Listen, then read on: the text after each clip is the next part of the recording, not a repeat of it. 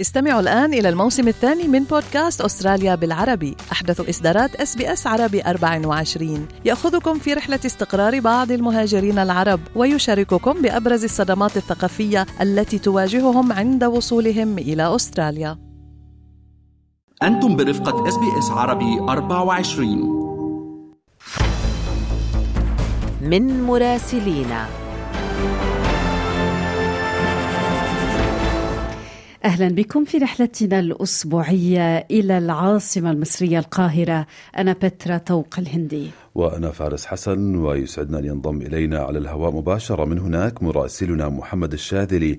أهلا بك محمد. أهلا. صباح الخير فارس. صباح الخير بترا صباحك نور محمد. صباح الفل. يعني طبعا القاهرة مشغولة بجهود الوساطة للتوصل إلى صفقة لتبادل الأسرى تهدئة الوضع في قطاع غزة والحرب هناك التي لم تهدأ رحاها. بيبدو القاهرة جددت رفضها للتهجير القسري وقبل قليل شفنا فيتو أمريكا أيضا في مجلس الأمن على مشروع قرار جزائري لوقف لإطلاق النار في غزة ماذا لدينا من تفاصيل محمد؟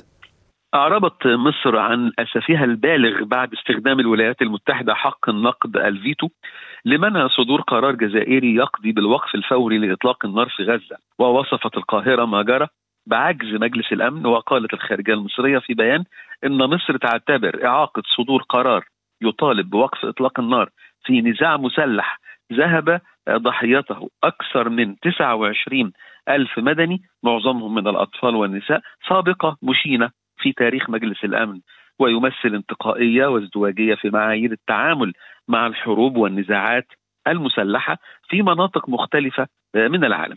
رغم ذلك تجري في القاهرة حاليا مفاوضات عدة يشارك فيها مسؤولون أمريكيون لبحث تحقيق اختراق ونجاح صفقة تبادل وهدنة.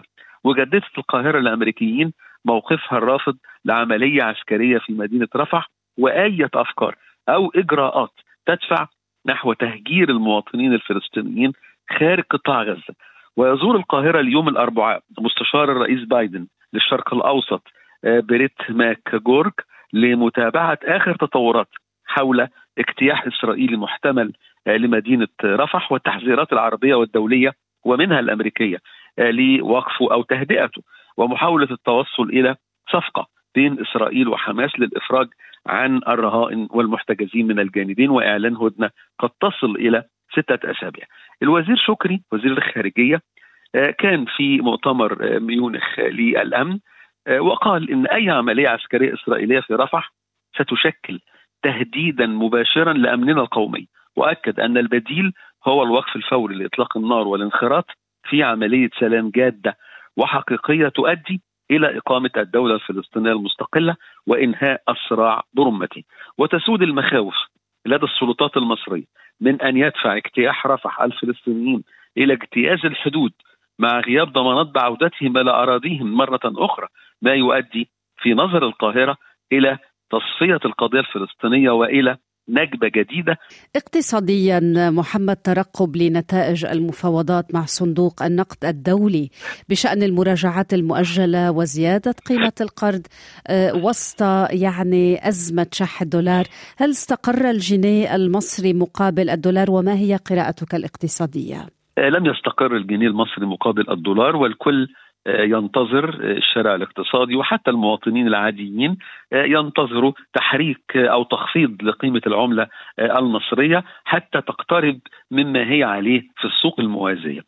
تتوقع القاهرة ردا قريبا من صندوق النقد الدولي وسط أزمة اقتصادية زادتها وضاعفت حدتها الحرب الإسرائيلية في غزة وتداعياتها في الإقليم وكان الرئيس السيسي يحضر يوم الاثنين مؤتمر ومعرض مصر الدولي السابع للطاقة حيث أعلن تراجع إيرادات قناة السويس بنسبة 40 إلى 50% بسبب الحرب في غزة وطبعا الحرب في البحر الأحمر.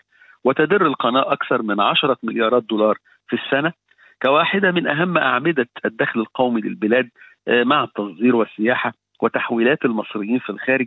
وهذه شهدت في دورها انخفاضا بسبب فروق كبيرة في سعر الصرف ما بين البنوك الرسمية والسوق الموازية. وصل إلى الضعف وأشار السيسي إلى تحديات سابقة واجهت مصر ومن بينها الأزمة الاقتصادية الناجمة عن تداعيات فيروس كورونا والأزمة الأوكرانية الروسية وتحديات راهنة على الحدود مع ليبيا والسودان ومع قطاع غزة.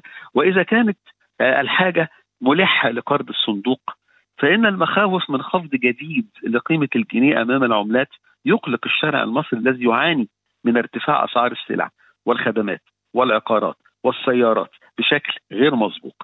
ويلاحظ خبراء في الاقتصاد إنه ربما تمضي أسابيع قبل أن يعلن الصندوق تمرير القرض إلا أن هذا الانتظار ربما يترك المستهلكين تحت رحمة ارتفاع الأسعار في الأسواق. نعم محمد بات شهر رمضان المبارك على الأبواب. كل عام والجميع بألف خير ودائما يرتبط هذا الشهر بإنتاجات تلفزيونية كثيرة آه، تحتضنها مصر ويبدو أيضا للسعودية يعني حصة في إنتاجات آه، التلفزيون في هذا العام، شو أبرز المسلسلات التي ستشارك في السباق الرمضاني لهذا الموسم؟ باقي أقل من شهر على حدود شهر رمضان نحو ثلاثة أسابيع وبدأت تنتشر إعلانات عن المسلسلات التي ستعرض في رمضان. ومن خلال رصد أولي فإننا سنكون ازاء أكبر منافسة على شاشات الفضائيات وتشمل الخريطة الأولى. تفاصيل عن 25 عمل. وقالت تقارير أخرى أن الخريطة الكاملة تتضمن 35 عملا وسيكون لكبار النجوم الذين يبحث عنهم الجمهور آه، حضور على الشاشات مثل يحيى الفخراني الذي يقدم عتبات البهجة وأحمد مكي في الكبير قوي الجزء الثامن كريم عبد العزيز في الحشاشين صيد العقارب غادة عبد الرازق إمبراطورية ميم خالد النبوي حق عرب أحمد العوضي محارب حسن الرداد والجزء الثاني من مسلسل كامل العدد دينا الشربيني فراولة لكريم. والجزء الرابع من المداح لحمادة هلال وبدون مقابل لهاني رمز آه، ولانش بوكس لغادة عادل والمعلم لمصطفى شعبان وبدون سابق إنذار لآسر ياسين صدفة لريهام حجاج العتاولة أحمد السقا بيت الرفاعي أمير كرارة ورد حنان مطاوع كبرى محمد عادل إمام وأخيرا مسلسل رحيل للنجمة ياسمين صبري كان هذا مراسلنا في القاهرة. محمد الشاذلي يحدثنا في صباح كل أربعاء. شكرا لك. ولمعاودة الاستماع إلى مراسلينا من بغداد القاهرة نيويورك بيروت والأراضي الفلسطينية. زوروا موقعنا الإلكتروني. اضغطوا على ال like أو على ال share أو اكتبوا تعليقا. تابعوا إس بي إس عربي 24 على الفيسبوك.